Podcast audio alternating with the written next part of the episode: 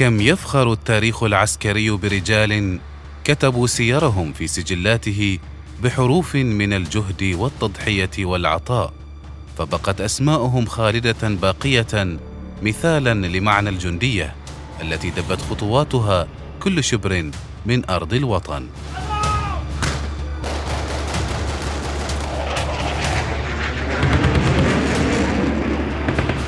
جنود برنامج أسبوعي نتعرف من خلاله على الجنود الذين ضحوا بحياتهم من أجل أوطانهم.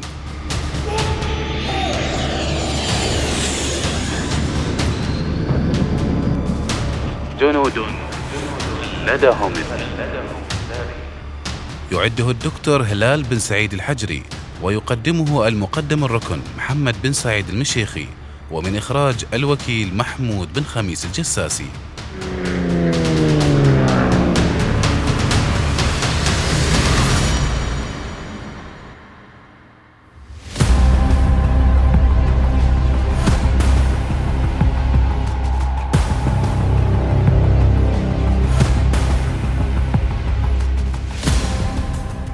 جنود خلدهم التاريخ.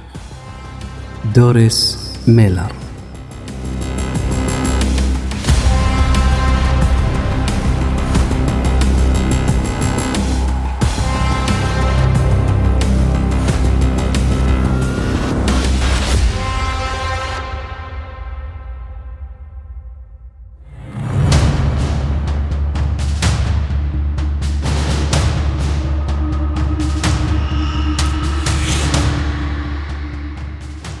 سوف نتذكر الحرب العالمية الثانية لفترة طويلة على أنها مثال للحرب الشاملة والشجاعة الكاملة والوحشية الكاملة. لم تستثني احدا على أساس خلفيته العرقية وفي أسوأ الحالات تستهدف الآخرين لهذا السبب على وجه التحديد. وبينما تنظر أمريكا إلى الأربعينيات من القرن الماضي كمصدر للإلهام عندما توحدت الأمة بأكملها. لا تزال هناك ذكريات باقية لدى معظم ذلك الجيل. تحمل بعض الدروس الصعبة لتعلمها عن الحرية والحلم. سيكون أحد رموز هذه الذكريات. هو طباخ أفريقي الأصل في مطعم لضباط الصف. في بيرل هاربور. وقد قاتل ضد الهجوم الياباني من شأن هذا الإجراء أن يمنحه الصليب البحري ويذكر بإرث المحاربين الشجعان الذين قاتلوا ببطولة في الحرب العالمية الثانية والذين تصادف أنهم أمريكيون من أصل أفريقي. في أوائل عام 1940 كان هناك عدد قليل من الوظائف المتاحة للأمريكيين الأفارقة الذين يسعون للتجنيد في البحرية الأمريكية.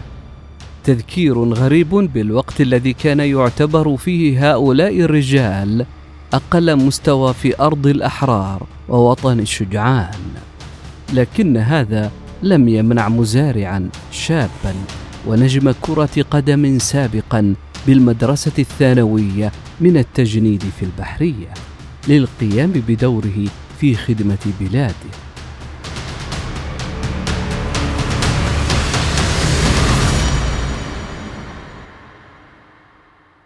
ولد دوريس ميلر في واكو بولاية تكساس والتحق بالبحرية في السادس عشر من سبتمبر من عام 1939 وعين في إحدى الوظائف القليلة المتاحة له وهي طباخ في نادي الضباط.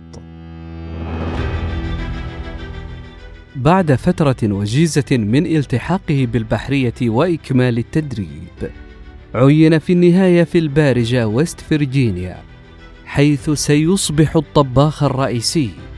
ستأخذ هذه المهمة الشاب من واكو في تكساس إلى شواطئ هاواي.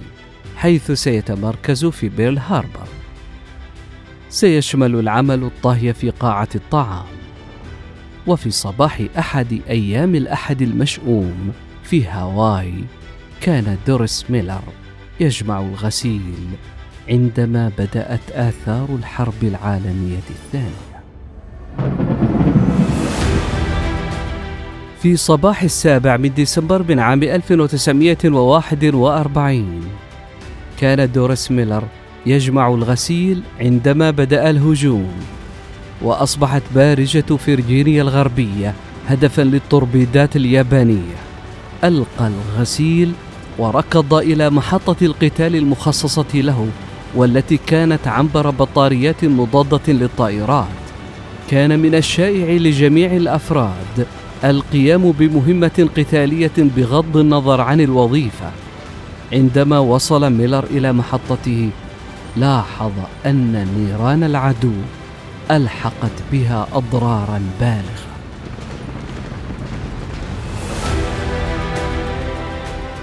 لذلك سعى إلى المساهمة بأي طريقة ممكنة.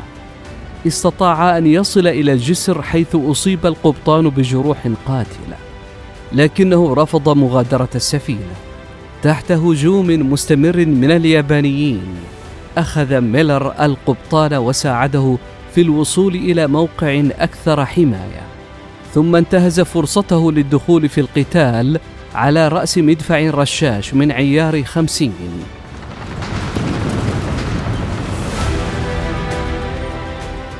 وبصفته طباخا لم يتم تدريبه على السلاح ولكن أعطي تعليمات حول كيفية تحميله فأفاد ميلر منها واستطاع أن يدير بندقيته بعد إطلاق النار لمدة خمس عشرة دقيقة حتى نفاد الذخيرة. اضطر ميلر وبقية الطاقم في النهاية إلى مغادرة السفينة حيث كان من الواضح أن فيرجينيا الغربية أصيبت بأضرار فادحة وغرقت في قاع المرفأ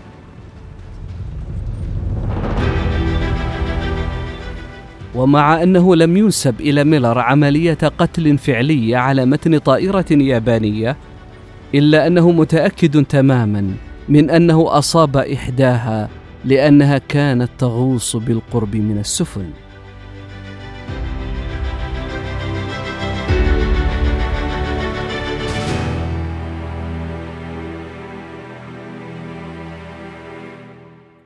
بعد الهجوم.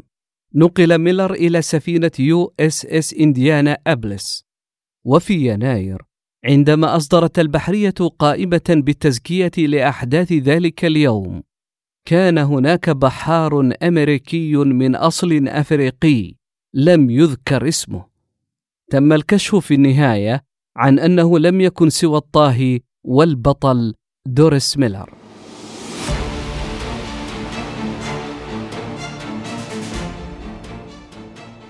تم إعلام الجمهور وكان ميلر بطلا قوميا. ولكن على وجه التحديد كان مصدر إلهام للشجاعة والثبات اللذين سيظهرهما الأمريكيون من أصل أفريقي في سنوات الحرب القادمة. كان هناك حديث عن وسام الشرف.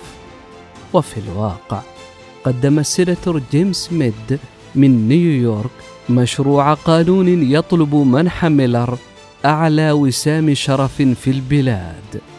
ومع ذلك عندما هدأ الغبار أصبح دوريس ميلر أول أمريكي من أصل أفريقي يمنح وسام الصليب البحري.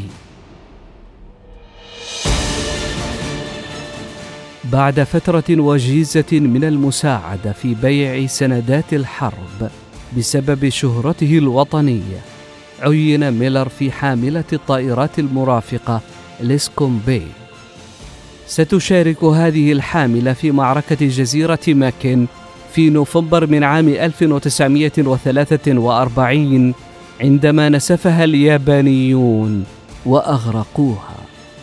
كان هناك أكثر من 200 ناج من هذه البارجة لكن دوريس ميلر لم يكن واحدا منهم. تم الإبلاغ عنه في عداد المفقودين أثناء العمل. وأقيم احتفال في نهاية المطاف في مسقط رأسه واكو في أبريل من عام 1944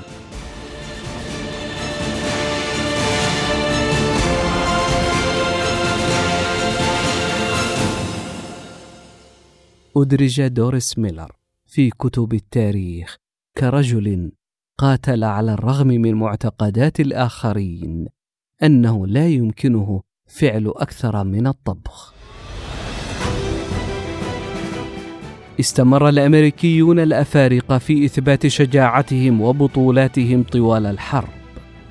جسد فيلم بيرل هاربر لعام 2001 من بطولة كوبا جودن جونيور الدور البطولي الذي لعبه الطباخ دوريس ميلر في الدفاع عن وطنه. وهكذا أصبح ميلر من الجنود الذين خلدهم التاريخ.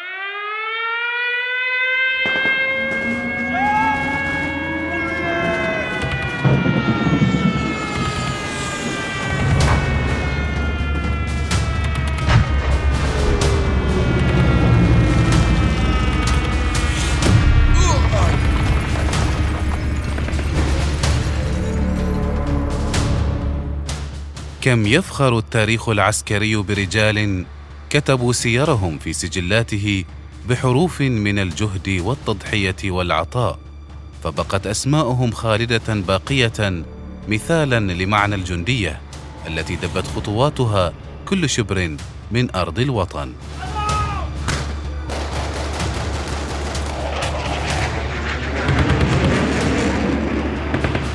جنود برنامج أسبوعي نتعرف من خلاله على الجنود الذين ضحوا بحياتهم من أجل أوطانهم.